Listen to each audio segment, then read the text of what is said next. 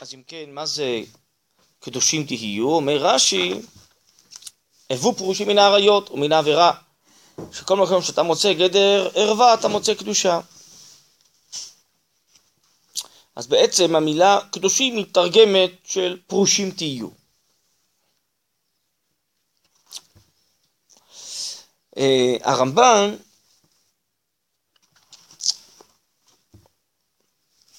בעצם אה, מרחיב את דברי רש"י ומסביר שהפרישות היא לא רק מן האריות, אני אקרא קצת, לפי דעתי אין הפרישות הזו לפרוש מן האריות כדברי הרב, אבל הפרישות היא המוזכרת בכל מקום בתלמוד שבעליה נקראים פרושים. מה הכוונה? והעניין, כי התורה הזהירה באריות ובמאכלים האסורים.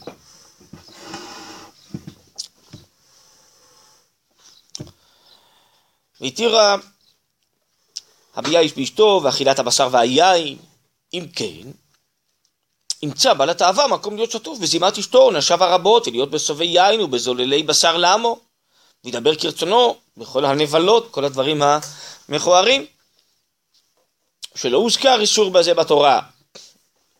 והנה יהיה נבל ברשות התורה. התורה הרי כותבת מצוות מסוימות ואיסורים מסוימים. הרי אי אפשר לפרט את כל הפרטים והאירועים והמקרים שישנם בחיים. אז יכולתי לחשוב שמה שלא כתוב כמצוות עשה, או מה שלא כתוב כמצוות לא תעשה, אז זה בסדר, אני יכול לעשות. כן? אז אדם יכול מהבוקר עד הלילה כל הזמן לאכול ולשתות, ו... כן, שזה יהיה העיסוק המרכזי שלו. והוא אומר, אין בעיה, אני רק אוכל דברים כשרים, לא? ועושה שאר uh, עניינים uh, שאני נהנה מהם, וזה בסדר, אני לא עובר בזה שום איסור. אומר הרמב"ן, יש פה איזה ציווי כללי, שאומר, בעצם, קדושים תהיו, הכוונה היא, תפרשו מכל הדברים הפחותים ודאי, ואפילו דברים מיותרים. שאין בהם צורך לבריאות הגוף, הנפש של האדם, כן? אז התורה אה, נתנה לנו אפשרות ורשות לאכול, אה, ליהנות מדברים מותרים, כדי שהגוף שלנו יהיה בריא וחזק, והנפש וכן הלאה. אבל בסופו של דבר יש תכלית יותר עליונה לחיים, שזה אה, קרבת השם והתעלות ועלייה במעלות הקודש, ואידיאלים רוחניים, וחסד וטוב, ולא רק לעצמי, אלא גם אה, לעם ישראל, לאחרים, לכל הברואים. אז תעסקו בעיקר, כן? כן, אחרת האדם יהיה כאילו, אה, ככה קורא לו הרמב"ן, נבל ברשות התורה. ברשות התורה כי זה לא אסור, אבל נבל כי זה לא מה שהתכוונה התורה, לא בשביל זה האדם נברא. ואולי ניקח אולי דוגמה, אני יודע מה, שהיא לצערנו אה, מצויה לא מעט היום, נכון? זו תרבות שלמה של אה, מסעדות, ו...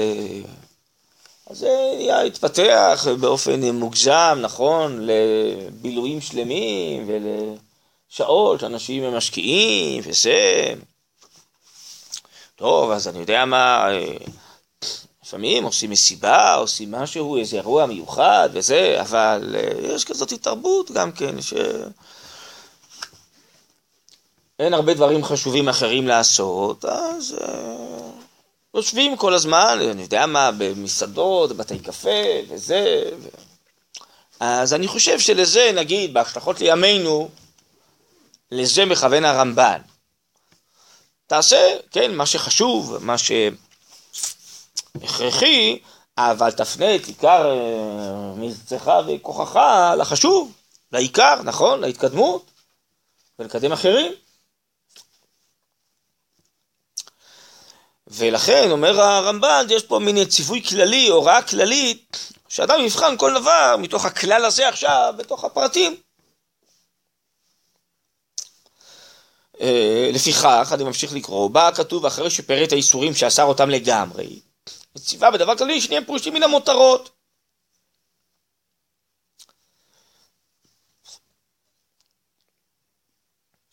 אה, ישמור פיו ולשונו מיתגאל בריבוי האכילה הגסה ומן הדיבור הנמאס. ויקדש עצמו בזה. ובאלו וכיוצא בהן באה המצווה הזאת הכללית. וזה דרך התורה לפרוט ולכלול וכיוצא בזה. אחרי אזהרת פרטי הדינין, למשל במשא ומתן בין בני אדם, מה שאסור לעשות, לא תגנוב, לא תגזול, אז אמרו כלל, עשית ישר והטוב. שיעשה יושר והשוויה ולפנים משורת הדין לרצון חבריו. אז אותו דבר גם פה, אחרי ש... אמרו באופן כללי, אה, באופן מפורט, מה שאסור, עכשיו יש ציווי כללי, תדע מה השאיפה, מה המגמה הכללית. ועל פי זה מסיים הרמב"ן את סוף הפסוק, קדושים תהיו כי קדוש אני השם אלוקיכם, מה הכוונה? לומר שאנחנו נזכה לדבקה בו בהיותנו קדושים. אם באמת נתקדש ונפרוש מכל העניינים הפחותים, אז נזכה להיות קדושים כמו הקדוש ברוך הוא. נזכה לדבק בו. במילים אחרות, הרמב"ן לא חולק עקרונית על דברי רש"י, הוא רק מרחיב את דבריו. שמה שהתכוונה תורה בעצם בקדושים פרושים לא רק מן האריות שדובר עליהם קודם בפרשת החרמות, אלא בכלל תפרשו ודאי מכל מיני דברים כאלה מאוסים ופחותים וכן הלאה, אף על פי שהם לא אסורים. אה, למשל, בזמן שיש טומאה וטהרה, אין איסור להיטמע. אבל אומר פה הרמב"ן, כן, עדיף לפרוש מן הטומאות. טומאה זה מציאות, אבל זה לא איסור להיטמע. אה, אז התורה מדריכה בהדרכה כללית, בעצם שאנחנו אה, נפרוש מהדברים הפחותים, וגם אה, הדברים שאינם פחותים, אבל פשוט מיותרים, מה שאנחנו קוראים אולי היום בשם כללי מותרות. כן, תאכל מה שאתה צריך, אה, מאכלים מזינים, טובים, בריאים לגוף שלך, אבל כל מיני אה, דברים שיש היום, נכון, מיותרים, או אה, מה שנקרא היום, נכון, junk food, לא. אז אפשר להניח שזה בכלל להבנת הרמב"ן, לציווי הזה של קדושים תהיו, שהדברים האלה הם מיותרים, אבל בכל זאת מבאר הרמב"ן כמו רש"י בעצם באופן בסיסי שקדושים תהיו, הכוונה היא פרושים תהיו. תפרשו, אבל לא תפרשו רק מהאריות, תפרשו מהדברים הפחותים או הדברים המיותרים. בסדר עד כאן?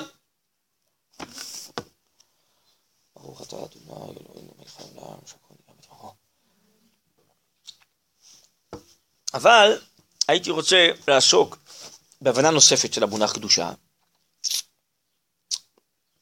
אה, אולי הזכרתי את זה פעם, אבל עכשיו אה, רציתי ללמוד את זה קצת יותר באריכות, מאיזו פסקה כאן, שיש אה, אחד מבעלי התוספות, בעלי התוספות הם הנכדים של רש"י, הם מופיעים בגמרא, אז הוא שואל בתחילת מסכת קידושין, איך יכול להיות שתחת החופה אומר בעל לאשתו, הרי את מקודשת לי כדת משה וישראל. אם מקודשת זה כדברי הראשונים פה פרישות, אז מה הוא אומר לה? הרי את אה, פרושה עליי, כלומר את אסורה לי. הרי זה בדיוק הפוך, הוא בא להגיד הרי את מותרת לי, לא? אז הוא אומר שני פירושים. פירוש אחד, על פי דרכם של רש"י והרמב"ן, הרי את אסורה לכולם בשבילי. מקודשת לי, הכוונה היא אסורה לכולם, לא אסורה לי. אסורה לכולם, לי, הכוונה היא בשבילי. זה הפירוש הראשון. אבל, אחרי זה הוא אומר פירוש שני, אחר. בהבנת המונח קדושה. שאת מקודשת לי, את מזומנת, מיוחדת לי. כמו שהפסוק אומר אה, בנביא, קדשו צום קראו עטרה. אה, קראו עטרה. אה, רש"י אומר שם, הזמינו, זמנו את עצמכם. זה להתקדש, כוונה היא להזדמן, להתייחד. אה, נדמה לי שמה בסעודה עם שמואל, שמה שהגיע אליו שאול, לא, אז שמה לא מובא בנביא שם את התואר הזה, ששם אלה שהוזמנו לסעודה, הם נקרא אלה ש... המקודשים לסעודה, לא, לא, לא, לא בטוח בזה, יש שם את התואר הזה. אבל, או יש דוגמה לרעה, היה קדשה היא בעיניים. מה זה קדשה? מזומנת, אומר רש"י, לזנות. מיוחדת, לדבר רע. אז כל התייחדות זה נקרא הקדשה, כגון, אנחנו יודעים, מי שמקדיש אמ, קורבנות אה, למזבח, לבדק הבית, נכון? למה זה נקרא להקדיש? לייחד. לומר, זה לא שאר ענייני חולין שנעשה בזה מה שרוצים, זה הקדש. אז הקדש, אתה יכול להבין, זה אסור לזרים. אבל אתה יכול להגיד, לא, זה מקודש, כמו שחז"ל אומר, מקודש לשמיים, מיוחד, מזומן, מיועד, לדבר נשגב, לדבר עליון, לתכלית אלוקית, לא לתכלית של חול, לתכלית של קודש. ואז המונח של קודש, קדושתו של כל דבר, אומר הרב קוק באיזה מאמר, זה תכליתו, זה מגמתו, זה ייעודו האלוקי. ואז זה מונח אחר של קודש. לא קודש של פרישות מהדברים הרעים, מהפחיתות, אלא קודש במובן זה של התרכזות בשורש, בתכלית האמיתית של כל דבר. ועל פי זה המונח של לחיות בקדושה.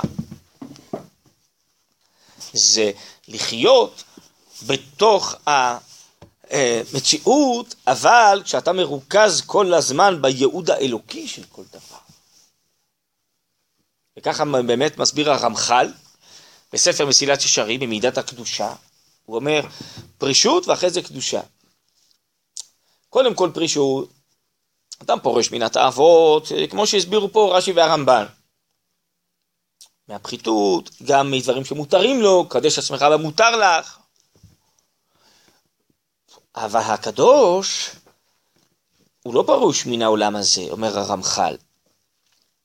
הוא חוזר להשתמש בענייני העולם הזה, אבל הוא לא סתם חוזר לענייני העולם הזה בשביל הנאתו הפרטית, בשביל הנאתו היצרית, הוא חוזר בשביל הייעוד האלוקי של כל דבר.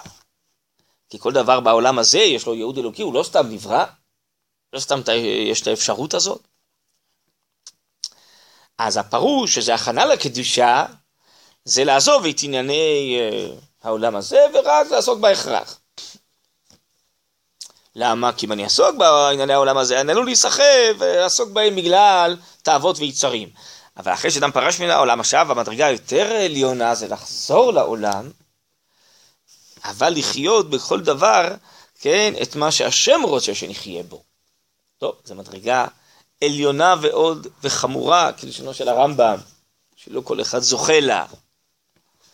זה בעצם מדרגה של דבקות אלוקית. לחיות את האלוקיות שבכל דבר. אז כאן הפסקה הזאת שחילקתי לכם, היא סיפור כזה בגמרא על רבי אבאו ורבי זיירא, שבאמת היו להם שתי דרכים בעבודת השם. שרבי זיירא הייתה דרכו הפרישות, ורבי אבאו הייתה דרכו הקדושה. רבי זיירא הייתה דרכו הפרישות לפרוש מענייני החומר בעולם הזה. רבי אבאו, הפוך, להיות בתוך עולם הזה, אבל למצוא את ההנאה מהטוב האלוקי של כל דבר בעולם הזה. בסדר? זה הנהגות שונות, אבל ודאי שמה שמסביר הרב קוק בפסקה הזאת, זה את המונח קדושה, על פי מה שהסברתי עכשיו בשם התוספות, בשם הרמח"ל, כן? בסדר, עד כאן המונחים השונים, ההסברות השונות, יותר נכון. אז בואו אולי נראה את זה עכשיו קצת בפנים כאן, כי יש כאן ברור חשוב נראה לי. הסיפור הוא, אני אקריא לכם רגע אחד מהעמוד שאין לכם, רבי זיירא חלש. רבי זיירא היה אחד האמוראים החשובים, עלה מחוץ לארץ לארץ ישראל, מבבל לארץ ישראל. קראו לו קטין חריך שקיה. הקטן חרוך השוקיים. קטין כי היה מקטין את עצמו. חריך שקיה, בגלל שהוא היה מסתגף ומתענה, ואחת הצורות של הסיגופים שלו היה יושב על תנור. ופעם אחת הוא ישב יותר מדי ונחרחו שוקיו. טוב, זו הנהגה מיוחדת של פרישות.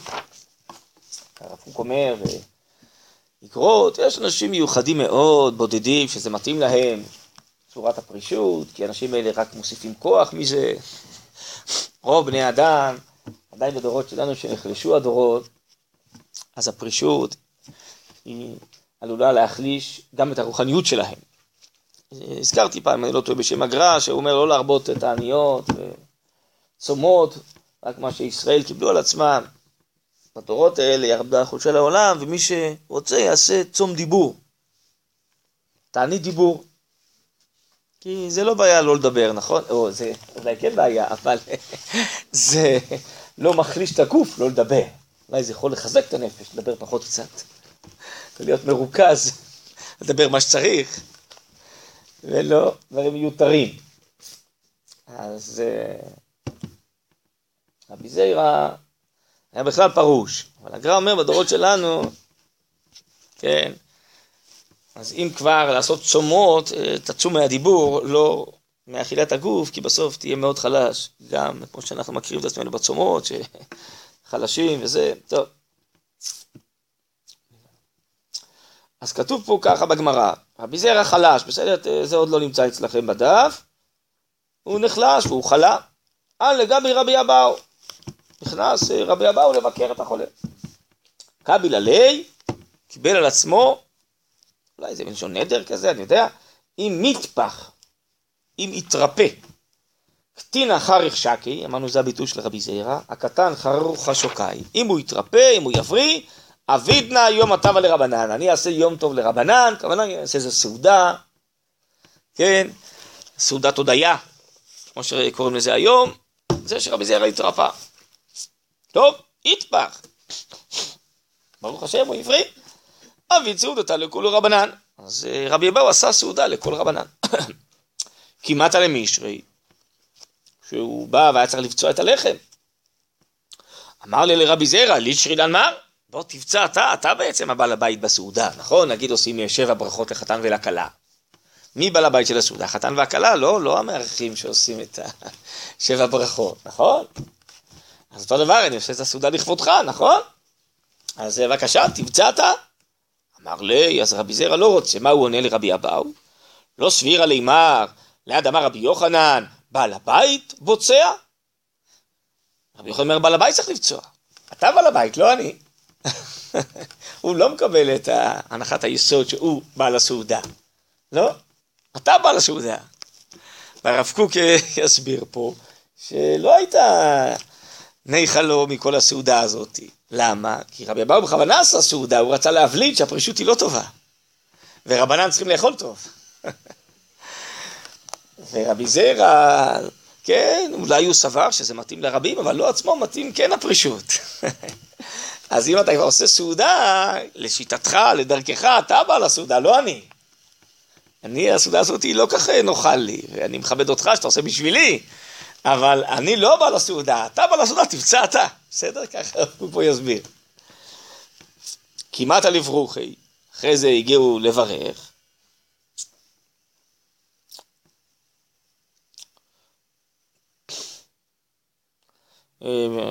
הכוונה ברכת המזון. אמר ולי נבריך לאלמר, טוב, עכשיו תברך אתה, תזמן, תברך ברכת המזון. אמר לי, לא סבירה לימר, ליד רב הונא דמין בבל, דאמר בוצע מברך?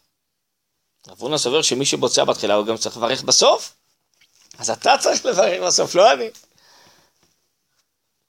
טוב, ואי הוא כמן סביר עלי ורבי אבאו כמו מי ספר? כי עד אמר רבי יוחנן משום רשב"י, בעל הבית בוצע, אבל אורח מברך. בעל הבית בוצע כדי שיפצע בעין יפה, אורח מברך כדי שיברך לבעל הבית. ואז מופיעה פה הברכה, מי שמכירה ברכת המזון, יש ברכת האורח שמברך לבעל הבית. טוב, אז הרב קוק אומר, זה, הסיפור הזה זה לא סתם, בכלל סיפורים שנכתבו בגמרא הם לא סתם. כל סיפור בא ללמד, יש כל מיני הסברים שונים מה הסיפורים מלמדים. אז כן, הרב קוק אומר, הסיפור הזה טומן בחובו הרבה מאוד, יש פה איזה שיטות רוחניות, שיטות של עבודת השם. רבי זירא לעומת רבי אבאו, שרבי זירא זה מידת הפרישות, ורבי אבאו זה מידת הקדושה. בואו נקרא קצת עכשיו בפנים, בסדר? אה,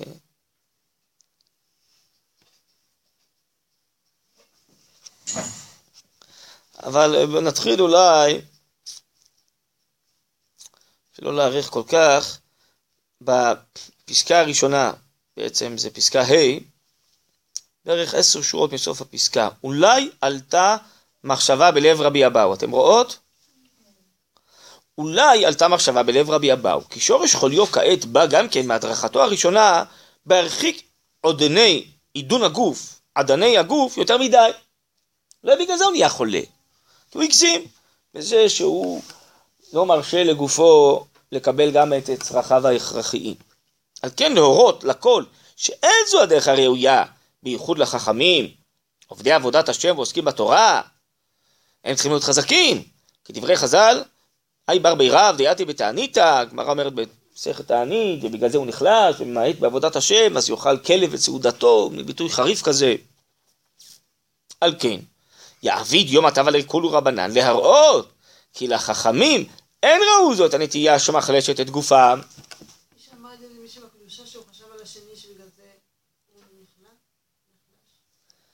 רבי אבאו חשב שאולי רבי זרע נחלש, אולי בכלל כל מחלתו בגלל הדרך המיוחדת שלו של הפרישות. אז הוא אמר, אני אעשה סעודה, לא רק סעודת הודיה, אלא אני אבליט לחכמים, נעשה סעודה עם מאכלים טובים וזה, שהחכמים צריכים לאכול טוב כדי שיהיה להם כוח ללמוד תורה ולעבוד את השם, וזה לא דרך נכונה לחכמים לפרוש מן העולם אה, מצורכי הגוף, כן? ודייקו בלשונם איתפח, אביא סעודתה לכולו רבנן. יום העתה והיה העיקר בסעודתה לכולו רבנן. מה הדגשה לכולו רבנן? להורות שהדרך הכבושה לעמלי תורה היא לאכול ולשתות ולעסוק בתורת השם בבריאות גופה. כן? לא לעסוק מתוך חולשה וסיגופים. לא יהיה להם כוח ככה לעסוק. ודיה יתרה, אם שבא לחסיד מצוין לרגלי טהרת נפש נפלאה, איננה הדרך הכבושה לרבי, אז אולי באמת זו דרך שמתאימה לרבי זיירה, אבל לא מתאימה לרבי. נכון, הזכרתי כבר בעבר כמה פעמים שהרב קוק אמר לרבי דוד הכהן, הנזיר, הירושלמי, נכון, אתה יש לך דרך מיוחדת, לך מתאים להיות נזיר. אבל זה לא דרך לרבים. צריך לדעת, זה דרך ליחידי. והוא גם כן ככה היה אומר על עצמו. אז הוא לא היה מסתפר, ולא היה משתמש בכלל בבגדי אור, במושב של אור, ולא אכל בשר ושתה יין, והיה הנהגות מיוחדות. אז זכיתי לבקר אצל אלמנתו אה, בערוב ימיה, והיא הסבירה לי איפה הוא אה, ישב ולמד, ולא אה, ישן ולא ישב על שום דבר של אור. הוא הרי 17 שנה מ... שהירדנים כבשו את ירושלים ולא התירו ליהודים להתפלל בכותל, אז הוא נדר נדר שהוא לא יוצא מהבית עד שהכותל ישוחרר. היה לו בית כנסת בבית, והוא לא יצא מהבית 17 שנה. כן? אתם לא מכירים, לא סיפר לכם פעם את הסיפור, אז אולי. לקראת יום ירושלים, לא סיפר, לא אה, דיברנו על זה פעם, אולי אני אשלים לכם לקראת יום ירושלים.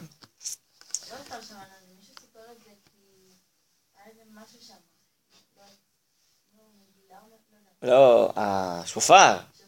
השופר של הרב גורן, שהוא תקע בו, זה השופר של אה, הנזיר שהיה לו בבית, כיוון שהיה לו בית כנסת, אז היו תוקעים שם בשופר. אז הרב גורן לא היה לו שופר, השופר שלו נשרף בסיני, בקרבות בתחילת מלחמת ששת הימים. אז הוא בלילה, ככה הוא מספר הרב גורן, הודיעו לו בשתיים שלוש בלילה, שמחר בבוקר תהיה ישיבת ממשלה, שמונה בבוקר, ויקבלו החלטה להיכנס לכבוש את העיר העתיקה, כי בהתחלה הייתה החלטת הממשלה של לוי אשכול שלא נכנסים. לא רצו להרגיז את העולם הנוצרי והמוסלמי וזה, הרב גורן התפוצץ, התפוצץ, הוא עשה הרבה מהלכים ובזכותו בסוף החליטו, בסוף הוא שלח הרבה אנשים לראש הממשלה לוי אשכול, הוא לחץ על זה. הוא ומוטה גור. אז הוא התפוצץ מזעם, ו... שמה זה רגע היסטורי, זו דמות היסטורית שהיא לא תחזור, הוא חכם גדול הרב גורן, היה גיבור גדול וחכם גדול, הוא הבין שזו הזדמנות שלא תחזור. שזה... יש כאלה דברים בהיסטוריה שזה חד פעמי. חד פעמי, כמו הר סיני זה חד פעמי, אומר בא. יש כאלה דברים צריך לדעת בעולם, בחיים, יש דברים כאלה חד פעמי. זה מדהים, אבל יש דברים כאלה שרגעי רצון, זה חד פעמי. הוא אה, תפס את זה הרב גורן. הוא סיפר שהיה שלושה ימים בלי שינה בכלל, והוא... טוב, אני אספר לכם עוד משהו, כמובן ש... נכין אתכם גם מירושלים קצת. אה, אז הוא... כשהודיעו לו, אז הוא אמר, איך אני לא יכול להיכנס לעיר העתיקה בלי שופר?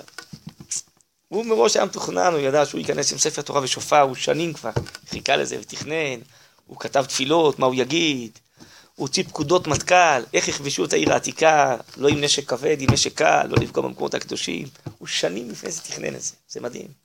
זה משהו, יש משהו יותר מדהים שהוא סיפר, שהוא היה אה, רב הצבאים, והוא היה מעביר שיחות לפני ימים נוראים. ומוטה גור היה מח"ט, אה, לא זוכר, גבעתי אולי, או משהו, לא זוכר, כשהוא, לפני שהוא נהיה מוטה לפני שנהיה רמטכ"ל. והרב גורן בא לפני אה, ראש השנה להעביר שם שיחה אצלו, אצל החיילים, בגדוד. שיחה ימים נוראים. תוך כדי השיחה, לא יודע איך זה בא לו, ככה הוא מספר. אז הוא התחיל להתרגש ולהגיד, זה לא בסדר שעם ישראל לא כבש, לא יחזיר לעצמו את המקומות הקדושים, את ירושלים, וזה, וצריך לעשות את זה. בסוף השיחה בא אליו אותה גור, אמר לו, תגיד לי, מה הקשר בין ימים נוראים לבין המקומות הקדושים, כיבוי של ירושלים? אני לא יודע, אבל התלהבתי ודיברתי ונזכרתי בזה, אז uh, אמרתי את זה. ו... ו... ואז הוא אמר לו, תדע לך, אני כבר uh, עשיתי פקודות uh, מטכ"ל. לא, הרב גורן סיפר למוטה גור, שאני uh, הכנתי כבר פקודות, איך יכבשו את העיר העתיקה, ואיזה תפילות uh, אני אגיד, ואני שמתי בפקודות מטכ"ל שהרב הצבאי הראשי נכנס ראשון.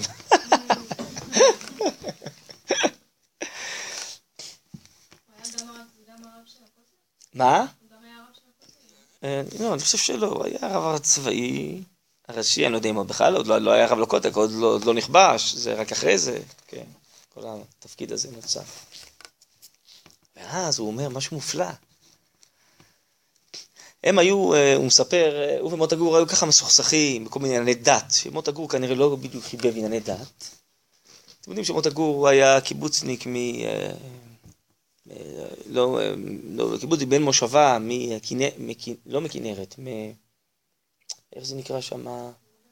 תבור, הר תבור, בדוברת, אה, יש שם מושבה מאוד ותיקה שם, למרגלות התבור. איך היא נקראת? דבוריה, זה הכפר הערבי. כפר תבור, מושב תבור, אני לא יודע, יש שם... אז אני חושב שהוא בן המקום, בן המקום, בין ההתיישבות שם, וזה, שם הרבה עליו. בקיצור, הוא לא היה קשור כל כך לענייני דת וזה. אז היה ביני כל מיני סכסוכים, אה, ענייני דת בצבא וזה. כנראה שגם לכן הוא בא ככה קצת לעקוץ אותו וזה, ולהגיד לו מה פתאום הוא מדבר על המקומות הקדושים. אז הוא אומר שמוטה גורה ענה לי, תדע לך, אם אתה רוצה אה, להיכנס למקומות הקדושים ראשון, אתה צריך להיות איתי בשלום, ככה אומר לו מוטה גור לרב גורן. למה? אומר לו, כי אני אכבוש את הכותל המערבי. אה, שמעתם איזה דבר מופלא? אז שאלו אותו, מי שראיין אותו, איך, הוא ידע? לא, איך הוא ידע? איך הוא אמר לי? אנחנו חייבים להיות בשלום ביחד. כן, אם אתה רוצה שניכנס ביחד, אנחנו צריכים אה, להיות בשלום שניכנס ביחד. היה איזה חמש-שש שנים לפני כיבוש הכותל. יש כזה, כזה אנשים כנראה חשים דברים גדולים שמיועדים אליהם. כן. ואחרי זה גם דברים מצחיקים. הרב גורן היה אדם כזה מאוד פיקח ומצחיק כזה, אז הוא... יש גם ספר, שבספר זה... קראתם פעם את הספר? כדאי לכם לקרוא את הספר, יש שם דברים מדהימים על הרב גורן. איך זה נקרא הספר הזה? שמוציא, הוציא את זה... איך? אה.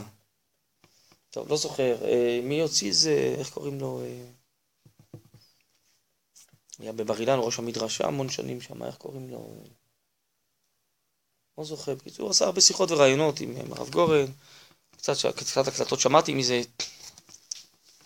אז אחרי זה הוא אה, הביא את הכל בספר. אז זוכר שיש לי בבית הספר. אז... אה,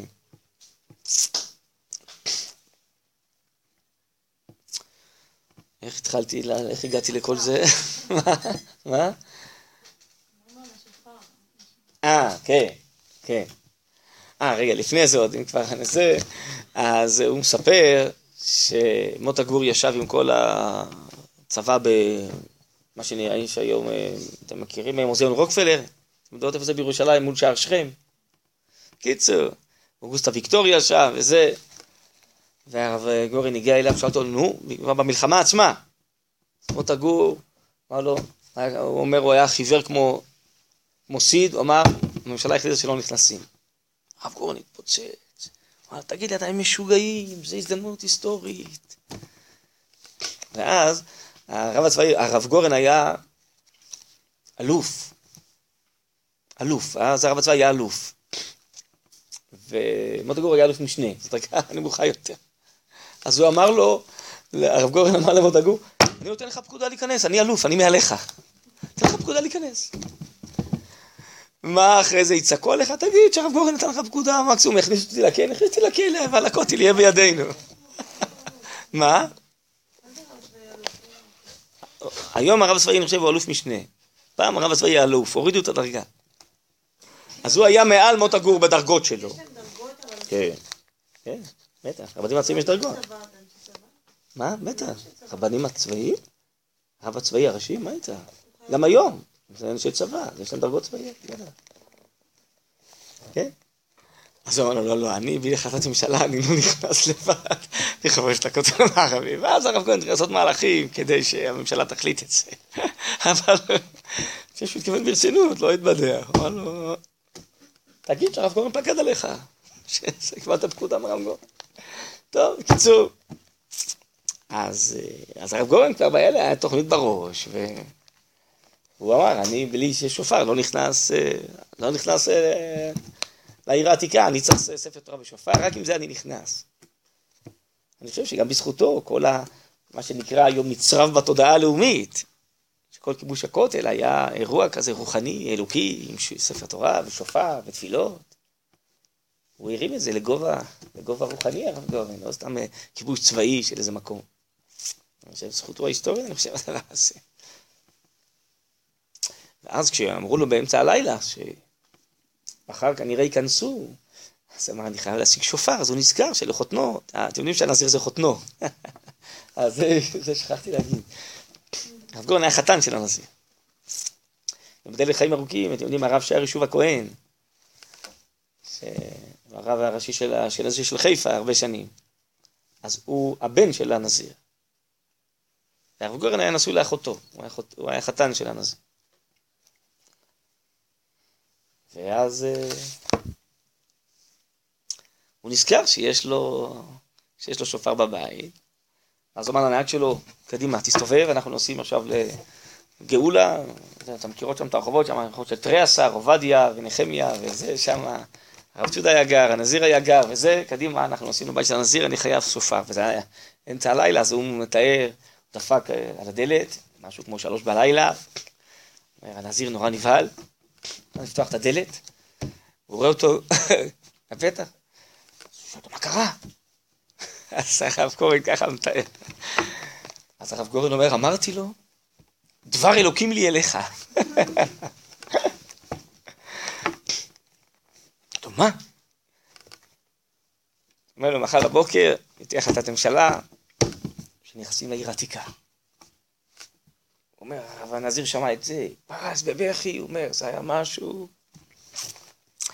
ואז ככה הוא תיאר, הוא נכנס הביתה ושם את הכיסא על השולחן, עלה על הכיסא, הוריד מלמעלה את השופר של ימים נוראים שהיה לו, וזה, זה השופר שהיה לי, עם השופר הזה נכנסתי לעיר העתיקה. אז אה, הגענו לזה מתוך הנזיר. כן, שהנזיר היה דרכו מיוחדת, דרך של פרישות, וזה, באמת אחרי זה היו תלמידי מרכז הרב שהיו בכיבוש הכותל, אז הם שלחו קומנדקר להביא, הרב עצמו, זה, גם את הרב צבי יהודה וגם את הנזיר. הם הגיעו בקומנדקר אה, שם, בין הראשונים אה, לכותל, אני זוכר אותו, את הרב צבי מספר על זה, איך הם נסעו וכל הכדורים שרקו מכל הכיוונים, הרב צבי מספר את זה. איך הם הגיעו לכותל והתפללו.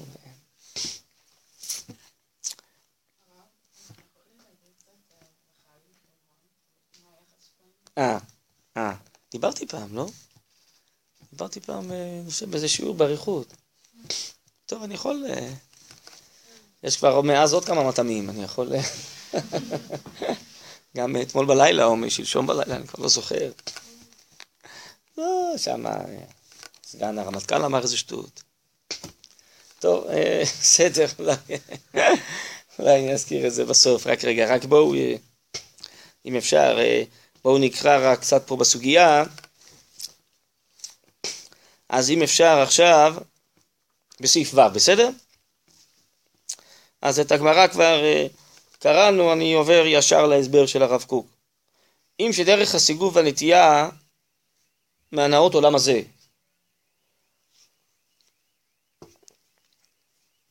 בנטייה אף לשם שמיים, לקצה האחרון ביותר, אינה דרך כבושה לרבי, כן, דרך הסיגוף והנטייה.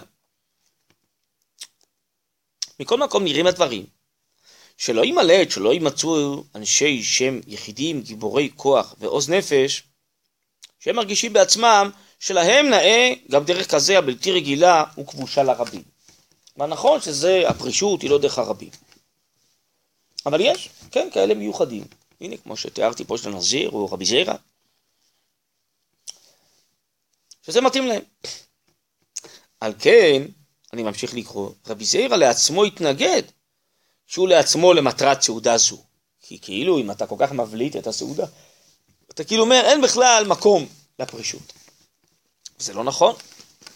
יש אנשים יחידים שזה מתאים להם, כן? אז לכן, כל כך להבליט רק את הסעודה, זה היה נראה לו לא ראוי. על כן רבי זרע לעצמו התנגד שהוא לעצמו למטרת סעודה זו, שבא לעקור שלא יעלה על לב איש, זה הדרר שברר לעצמו כלל. והוא עליו השלום סביר עלי, דעדיין הדבר אפשר להיות מועיל גם לחוץ ליחידים. כי דרכי ההדרכות המוסריות רחבות ושונות בערך נפשות האדם ותכונותיהם. על כן, אם כי לא חפץ להתנגד בגלוי, מה הוא התנגד לסעודה שעושה רבי אבאו, הוא עושה את זה לכבודו, הוא רוצה באמת להבליט שלערבים זה הדרך הנכונה, אז הוא לא רצה להתנגד לסעודה שרבי אבאו עושה. מפני המוסר והכבוד. גם שעל כל פנים נתן צדק לרבי אבאו בכלל המחאה, שאין זאת הדרך שרבים יוכלו ללכת בה. אבל להראות שגם הוא חוזר בו, ושהדרך ראויה שתעקר מכללות דרכי עבודת השם ושלא תימצא במציאות, זאת לא חפץ. הוא לא רצה שלומר בעצם שאין בכלל מקום לזה.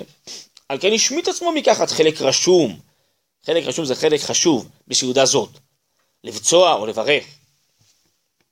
שאומנם לפי שיטת רבי אבאו, שגם רבי זעיר עצמו ראו שיפעל בסעודה זו להורות על החזרה מדרכו. היה נחשב רבי זעירא לבעל הבית, ועיקר שבסעודה עד שראו לו לברך. אמנם הוא עליו השלום, רבי זעירא לעצמו, חשב עצמו בסעודה זו כאם כאחד האורחים. מאחר שיסוד המטרה של זאת הסעודה אין דעתו כדעת בעל הסעודה לגמרי. אז לכן הוא לא חשב שהוא נקרא בעל הסעודה. כי בעל הסעודה יש לו את הדרך שלו בעבודת השם, ואני מסכים שזה, יש אנשים שזה מתאים להם, אבל יש גם אנשים שמתאים להם משהו אחר. אז הוא לא רצה להיות הדבר המרכזי בסעודה. טוב, עכשיו הרב קוק עובר בקצרה להסביר את ההבדל בין השיטות. ולזה רציתי רק רגע שנגיע, בסדר? והנה הבדל ידוע יימצא בהשקפה המוסרית על כלל העולם וחיי העונג הגופני בין דעות גדולים חכמי לב. ואף ששורש הדבר אינו במעלה, כי אם בעיון והשקפה.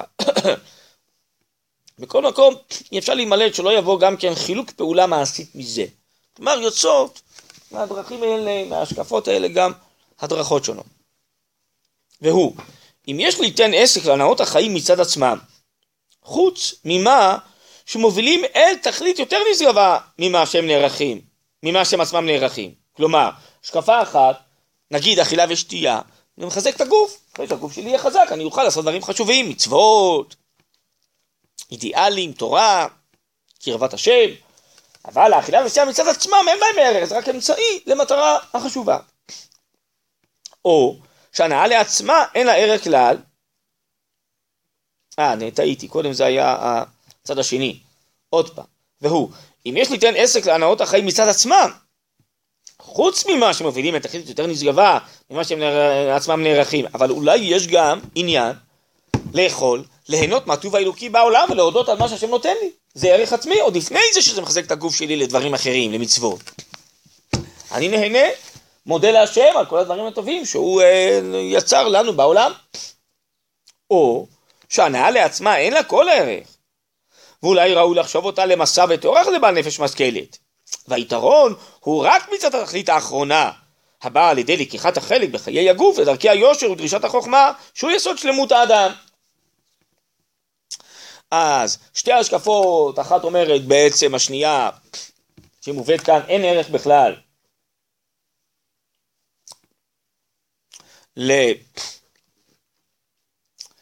לחיי הגוף וההנאות של האדם, רק שזה מביא למטרות אחרות חשובות, לעבודת השם, לקיום תורה ומצוות. הבנה השנייה, לא, גם בהנאה עצמה, באכילה, ב... יש ערך עצמי של עבודת השם, שעכשיו אני בעצם נהנה מעולמו של הקדוש ברוך הוא, נהנה מהטוב שהוא נתן לי, מברך אותו על זה. על כן, לפי הדרך האחרון,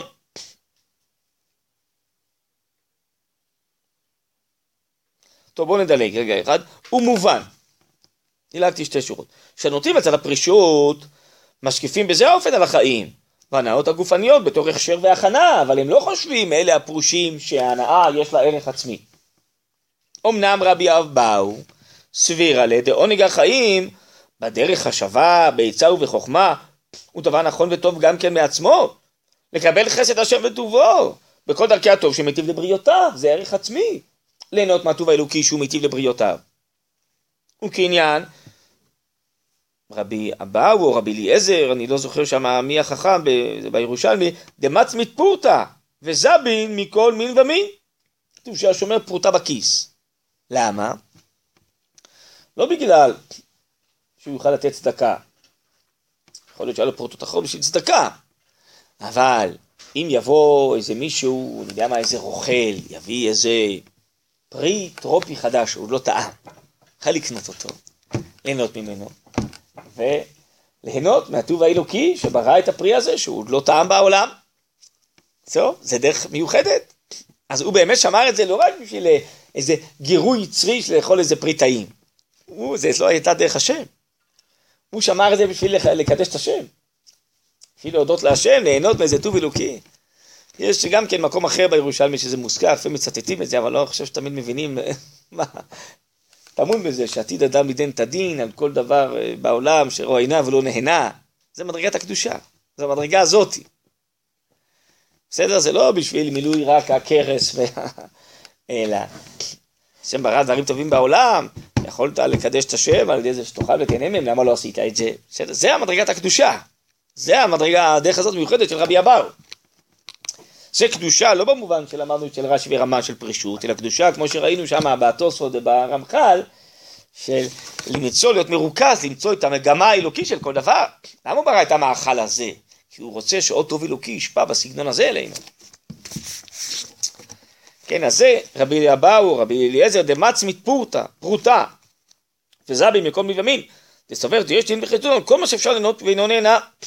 זאת הדעת פונה להחליט כי ההנאות הממוצעות הגופניות הן ראויות לכבוד גם כן מצד עצמם. על כן אין חובת המציאה להיות קשורה אל הברכה הבאה על התועלת, כי גם לעצמה יש עניין להתענג על השם ועל טובו באורך משפט, על כן סבירה לבעל הבית בוצע ואורח מברך. טוב, לא ניכנס עכשיו לכל פרטי הדינים, אבל הרעיון העקרוני פה שתי דרכים בעבודת השם, שתי הסתכלות על העולם של רבי זרע ורבי אבאו, ומה שנראה מדברי הרב קוק, שבאמת, א', בדברי, אה, בשיטת רבי זרע זה מיוחד, אלה אנשים פרושים מיוחדים. וגם המדרגה הזאת של הקדושה של רבי היא גם אנשים יחידים, שהם יעסקו בכל ענייני העולם מתוך דבקות אלוקית. המדרגה שלנו, הרגילה של רוב בני אדם, זה שאני כן עוסק בדברים החומריים, המעשיים, שזה נצרך, לחזק את הגוף שלי, הנפש שלי, כדי שיהיה לי כוח הדברים היותר אה, נעלים של התורה והמצוות. חכמים גדולים, יש להם, יש כאלה שבכלל הם אה, פרישות, וזה מדרגתם, יש כאלה שהקדושה, שהם, אה, כן, כן עוסקים בכל מיני ענייני הגוף, אבל הכל מתוך דבקות אלוקית. טוב, זה מדרגה עליונה שחשוב שנדע אותה כדי לשאוף אליה, אבל צריך לדעת שהיא מדרגה מאוד עליונה וגבוהה, שלא נבלבל את המדרגות, אני חושב שאנחנו כבר שם, אלא... מה עכשיו צריך להיות היחס שלנו כאילו, להנאות שהן לא... שלפי העניין אה, אנחנו עוסקים בזה במה שחשוב. אז הם עושים עכשיו איזה מסיבה לכבוד משהו חשוב, נכון? סעודת מצווה וכולי, כן? אבל סתם אה, להרבות בכל מיני דברים כאלה מיותרים, חבל. אז למעט במה שאפשר. אם זה מיותר, אם זה יש איזו תועלת מסוימת, נפגשים, יודע מה חברות, רוצים לדבר קצת, אז יושבים באיזה מקום, ואוכלים ושותים משהו, בשביל הרעות והחברות, עוד נפגשנו הרבה זמן, לדבר, טוב, נו. אבל אם זה נהפך לתרבות שכל היום יושבים במסעדות, בבתי קפה וכו', אז לא. אז לכן זה כל דבר מכוון לעניין, לפי הדת, לפי השכל.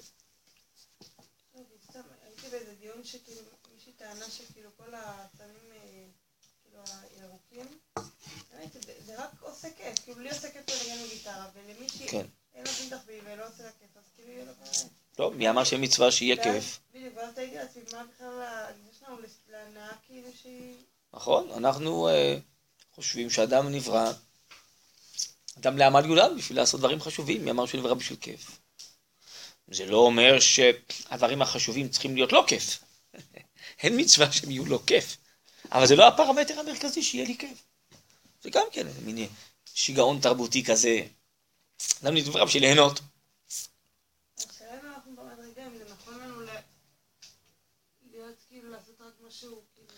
אז אני, אה, אז רק מה שהוא זה אותם אה, באמת גדולים, אותם קדושים, שזה, אבל לפחות אני אומר במדרגתנו, בואו ננסה להתרכז כל הזמן, לעסוק בדברים אה, מה שיותר חשובים, ויש כל דברים שהם הכנות לדברים החשובים, שאני צריך כוחות, צריך לנוח, צריך לאכול וכולי, כדי שיהיה לי. אבל שזה יהיה מרכז חיי, ולא רק הבילוי והכיף, זה לא תכלית צד עצמה. לפעמים נגיד, עושה טיול, עושה מנוחה, בין דבר חשוב למשנהו, כדי שיהיה לי כוח להמשיך הלאה. אבל גם אם כן, אז הכיף הוא הכנה לעיקר בסוף. אבל היום כבר הזכרתי כמה פעמים שהיום בתרבות אה, המצויה אז זה שאני עובד קשה, זה אחרי זה, כדי שאני אוכל להרשות לעצמי לעשות כיף. אז העבודה והעמל זה הכנה לכיף. לא שהכיף זה הכנה לעבודה. אז זה, אני חושב, אה, מושגים הפוכים. חבל. אדם נוצר, יש לו צלם אלוקים, הוא קיבל uh, מחשבה, בחירה חופשית, השגות רוחניות, רק בשביל uh, אחרי זה לעשות... כיף גופני, זה כמו בעלי החיים, אדם אה, כנראה קיבל את כל הדברים החשובים האלה, כי הוא יכול אה, להתעלות ולהעלות את כל הבריאה לפסגות עליונות, אז זה בזבוז קצת, לא?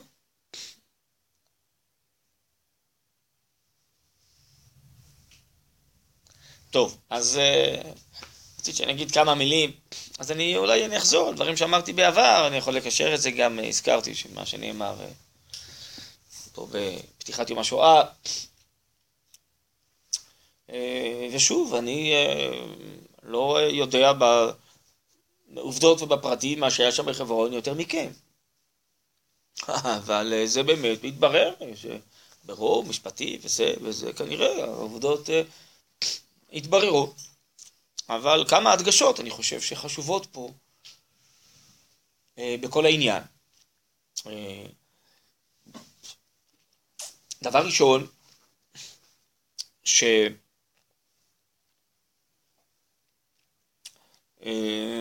יש אומרים שהנושא הוא מוסר.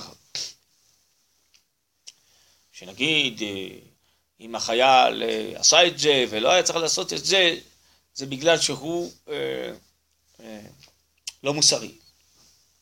אני חושב שהנושא פה זה לא מוסר, אלא הנושא פה זה פקודות הצבא. אם הוא עשה שלא לפי פקודות הצבא, זה לא בסדר, כי חייל צריך לעבוד לפי הפקודות, הוא לא, זה נקרא אצלנו בחז"ל כיבוש יחיד, אני לא יכול לכבוש את הארץ לבד. כובשים כולם ביחד, עם ישראל. אז עם כל הרצון גם לעשות דברים טובים, אפשר לעשות כיבוש יחיד, אני צריך לעשות לפי הפקודות. אבל יכול להיות שהפקודות הן לא בסדר. זה לא אומר שאם הוא עשה לא לפי הפקודות, אז זה לא תקין, אבל אולי הפקודות הן לא בסדר. אני, בעיניי הפקודות הן לא בסדר. אני חושב שלא צריך לתת לאף אחד שבא להרוג יהודים לצאת חי, מה זה גם אחרי שהוא זרק את הסכין. אני לא רואה הבדל בין לפני הסכין אה, לאחרי הסכין. אני חושב שאדם כזה צריך למות. זה המלחמה, כי זה מלחמה. זה לא עכשיו איזה אירוע פלילי, אזרחי, סכסוך בין אנשים, אה, כן, בעיר, על איזה מקום חנייה. זה מלחמה, מלחמה יש בזה כללים אחרים. למשל, תסתכלו עכשיו מה קורה על גבול עזה, או מה קרה בכל המבצעים. שם למשל יורים על כל מה שזז, הם לא מסתכלים שם האם ההוא יש לו סכין ביד או אין סכין, אם יש לו רובה אין לו רובה. למה? כי יודעים שזה מלחמה, אבל זה מסוכן. ואנחנו צריכים עכשיו אה, להניס את האויב, ויורים על כל מה שזז. זה כללים של מלחמה, הנציב אומר את זה לתורה. הוא אומר, כל המושג לא תרצח, דם האדם, נפשו, דמו בנפשו, וזה, אומר, זה רק בין בני אדם. הוא אומר, זה לא במלחמה. אין מושג לא תרצח במלחמה. כי הדבר הכי מוסרי זה להגן על עמך, להגן על עצמך, הדבר הכי מוסרי זה לגדוע את הרשעות. זה כללים אחרים. זה מערכת חשיבה כללית, לא פרטית. אז אם הפקודות הן כאלה, שתלוי אם הסכין ביד או לא ביד, אני חושב שפקודות לא נכונות, הן לא מלחמתיות. תפקיד צבא ולחיים זה להילחם, לא להיות עכשיו בורר בסכסוכים אה, אה, באיזה פאב מתחת לבית. לא בשביל זה אדם מתגייס לצבא, יש בשביל להילחם, צריך להילחם. מלחמה עם אויבים, מרושעים, מנוולים, צריך להילחם. אז בעיניי, אין אה, שום הנאה, ואחד כזה שלקח סכין והצליח לברוח, פעם הבאה ייקח עוד סכין, וינסה את זה עוד פעם, מה... יכול לתת לכם איזה דוגמה? לא, סיפרתי את זה? לא, לא זוכר. לא סיפרתי את זה? אני חושב שכן סיפרתי את זה, לא יודע אם לא לכם. לא זוכר כשאני מספר עוד פעם, איזה חייל ביחידה מובחרת שסיפר לי.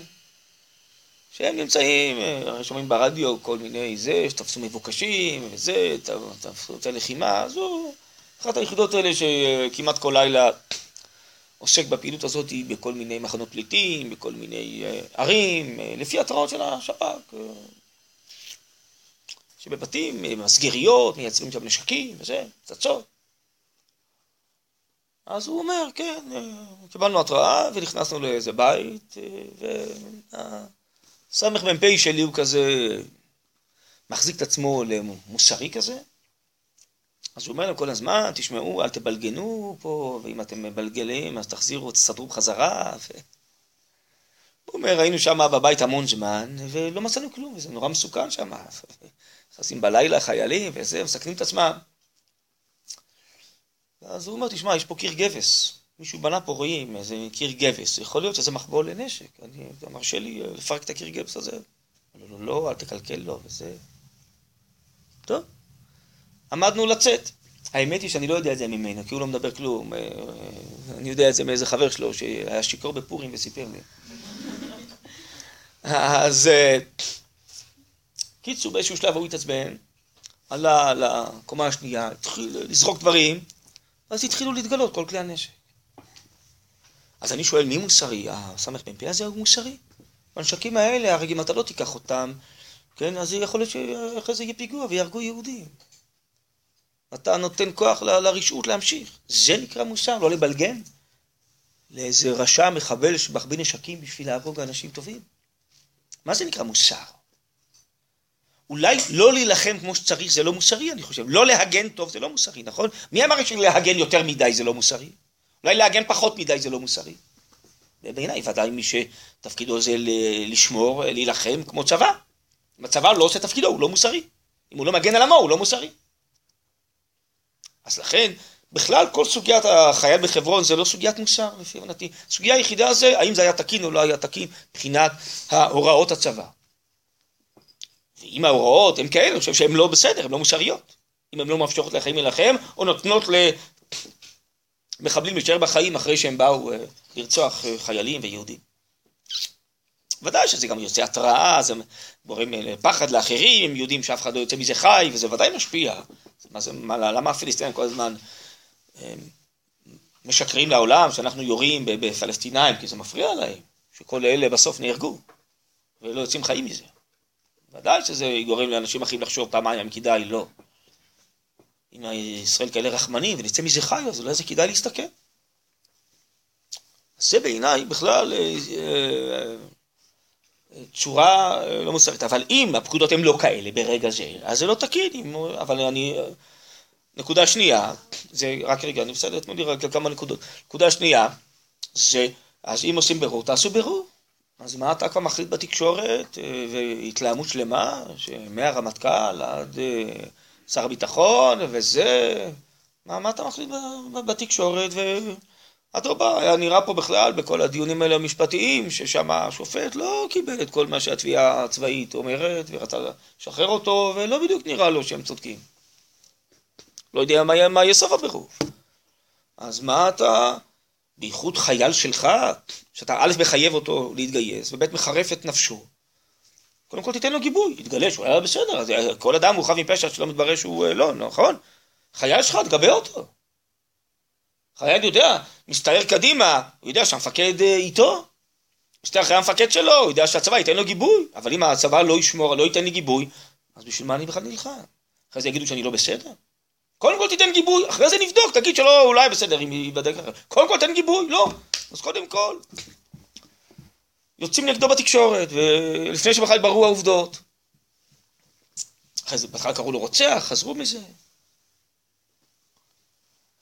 ודבר שלישי שבעיניי מאוד מטריד, אני חושב שכל ההתלהמות הזאת הייתה לא בגלל, כי כל דבר שיש כזה אירוע ודברים אולי שחושבים שחריגים, עושים בדיקה, הצבא בודק כל דבר. אני חושב שזה כל ההתלהמות הזאת הייתה בעקבות זה שבסרט של בצלם, שבצלם הסריט ועורך סרטים איך שהוא רוצה והעולם רואה. אני חושב שלא ייתכן שהנהגת מדינה והנהגת צבאית היא תתנהל על פי צילומים וסרטים של אה, האויב שלנו. לא יכול להיות שאנשים יאבדו את העשתונות ולא יגבו את החיילים שלהם בגלל סרטים. אם לא היה הסרטים האלה שכל העולם רואה, אני משוכנע שכל היחס היה אחר. זה לא יכול להיות שככה אה, עם ישראל מנוהל על פי הסרטים של בצלם. זה בעיניי חמור מאוד.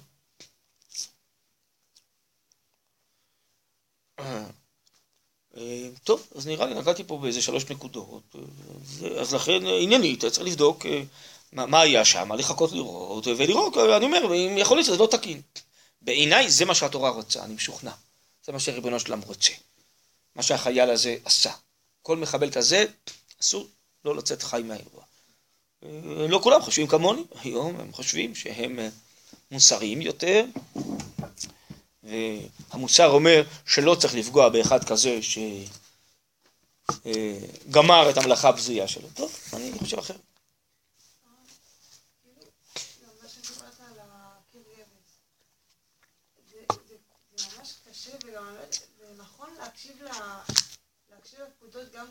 שאחר כך תשמעי, אבל אה, אין לזה סוף. זה גם מסוכן מצד שני, אתה לא יכול לנהל ככה צבא. אתה לא יכול לנהל קרב, שכל אחד יסתער מכיוון אחר מה שנראה לו. זה גם מסוכן מכיוון אחר. צריך שיהיה פיקוד, יהיה היררכיה וישמעו למפקד, אחרת הצבא לא יתנהל. זה גם מסוכן. אתה יכול לשבור את הקיר גבס, ויכול להיות שאתה בסוף תיצור איזו התגלגלות של אירועים שהצבא בכלל לא מוכן לו, ולא רצה אותו. ואתה מאלץ את הצבא. אה, דוגמה, מה שפעם היה במחתרת היהודית, שהם הטמינו פצצות בכל מיני מקומות, שיהרגו ערבים, אתה כאילו מאלץ את המדינה להיכנס למשהו שהיא לא רוצה ואולי לא מסוגלת, מסוגלת לעמוד בו. זה יכול להיות גלות של אירועים, אתה יכול לפתוח מלחמה שלמה מתוך התפוצצות כזאת, נכון? אז מי שהמדינה צריכה להחליט אם היא עכשיו מסוגלת, רוצה, יכולה להילחם. אתה לא יכול להחליט שזה מה שצריך לעשות ואתה מגלגל מלחמה באופן אישי לבד, מבינה? אז יכול להיות, גם אירוע כזה יכול להתפתח שם לעימות שלם, אני לא יודע מה, אם המפקד שבמקום וכל המערכת שסביבו לא מוכנה לו. אז אתה, אני חושב שהחייל היחיד לא יכול להחליט את זה. אף על פי שהוא צודק. שהוא צודק, אני חושב, החייל הזה. אבל הוא לא יכול להחליט את זה לבד. כי ככה אפשר לנהל את המלחמה. ואנחנו מלחמה מנהלים איזה כוח הציבור. אז צריך להשפיע על הציבור בדעות שלו, הבעיה היא לא בחייל עכשיו או בזה, הבעיה היא בדעות. צריכים לשנות את הדעות של עם ישראל, של הצבא.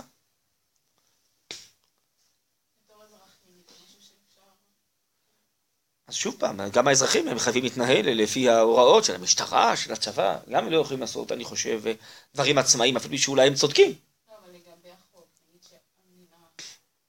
בטח, אנחנו האזרחים יכולים לגרום כך שהחוק ישונה.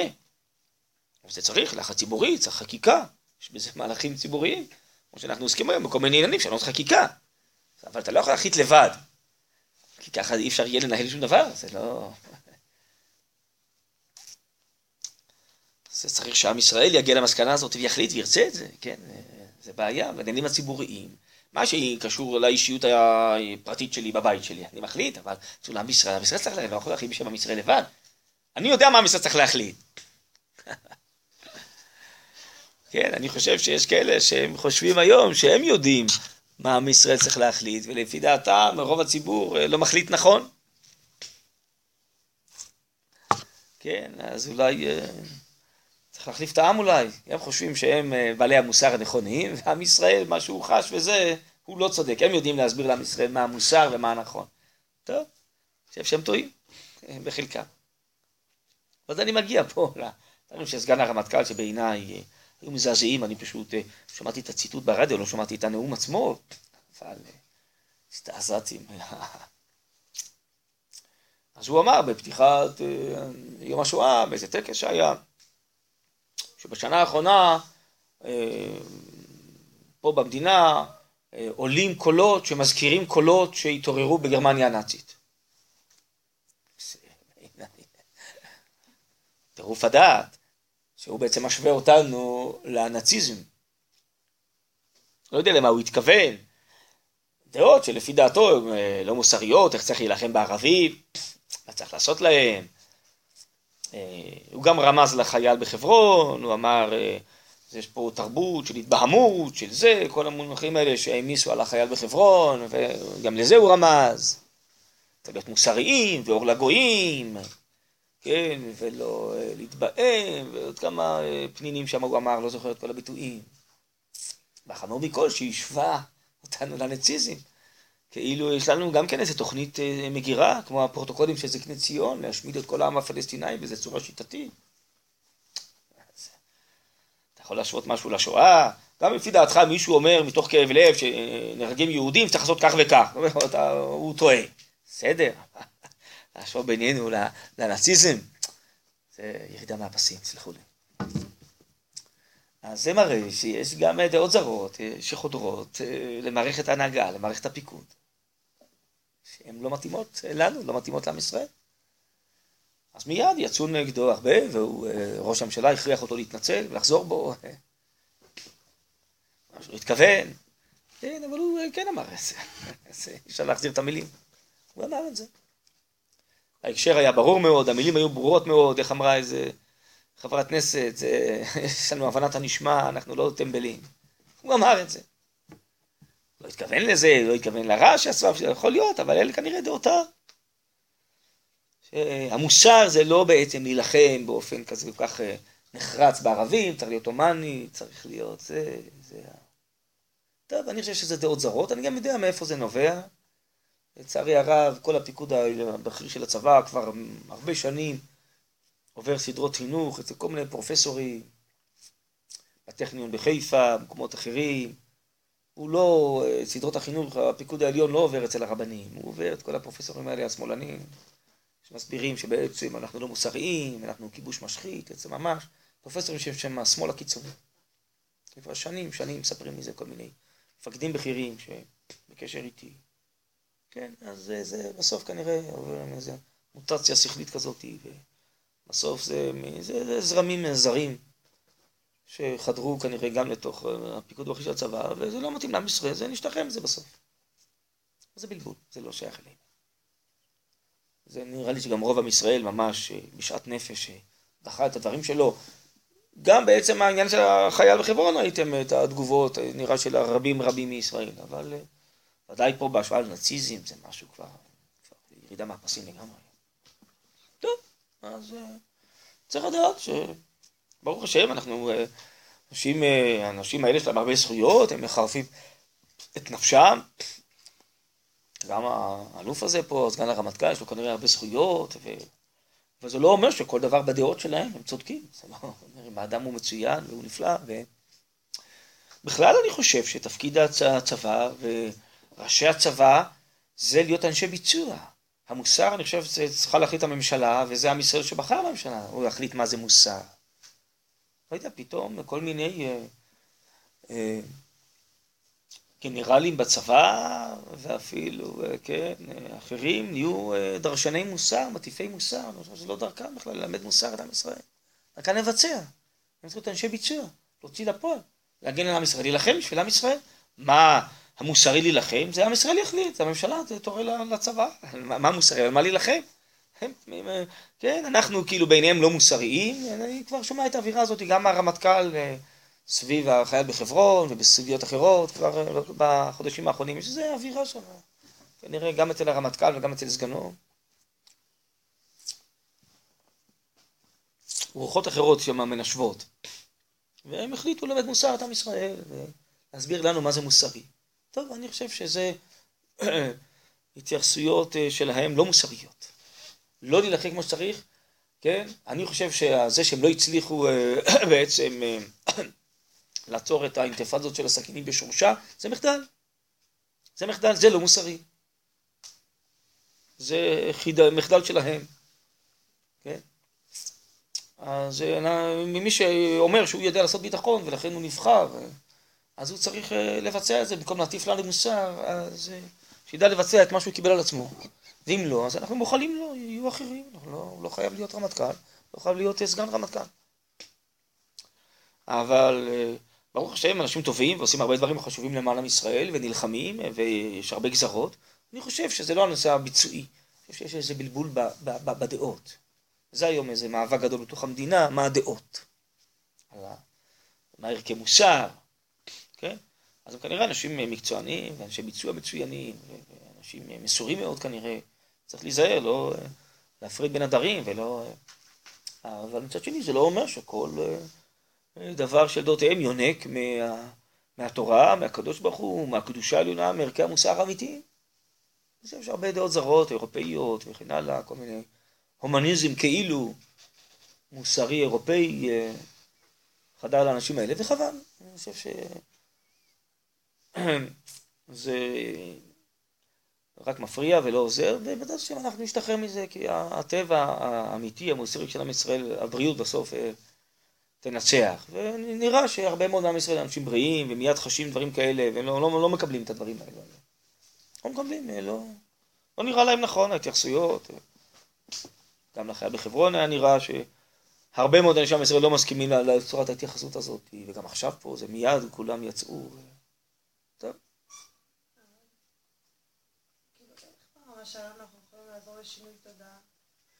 זה קשה ברמה שלנו. אנחנו יכולים בסביבה הקרובה אלינו, אחד לשני, בחברה, היום דווקא דרך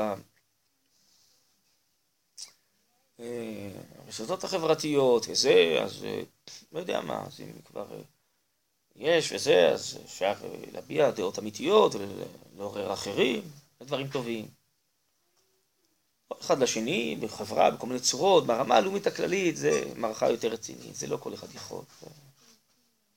אבל בסופו של דבר עוד ועוד אנשים התקבצו, וכל אחד בא הסביבה הקרובה לא, בסוף זה גם מתעורר ברמות הכלליות, הלאומיות.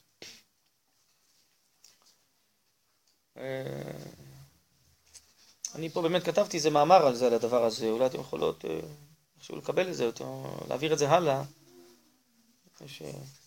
מנסים להכניס את זה עכשיו פה לאחד האתרים וזה, אני יודע.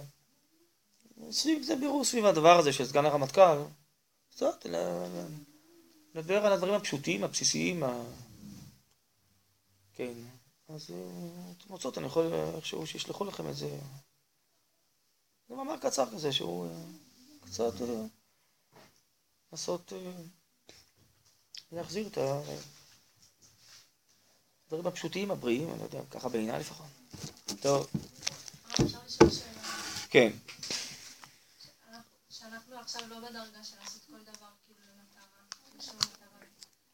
לקבל את זה שאנחנו עושים דברים גם של ליהנות מהם. כן, כי גם הנאה היא נצרכת, אבל שוב, לא להגזים בזה. לא להגזים בזה שזה יהפך בסוף לעיקר בחיים. אנחנו צריכים את זה, כי זה גורם לנו אה, לרענן את הנפש וכולי, כדי שתוכל להמשיך הלאה. כן, כן. טוב, בעזרת השם, שבת שלום.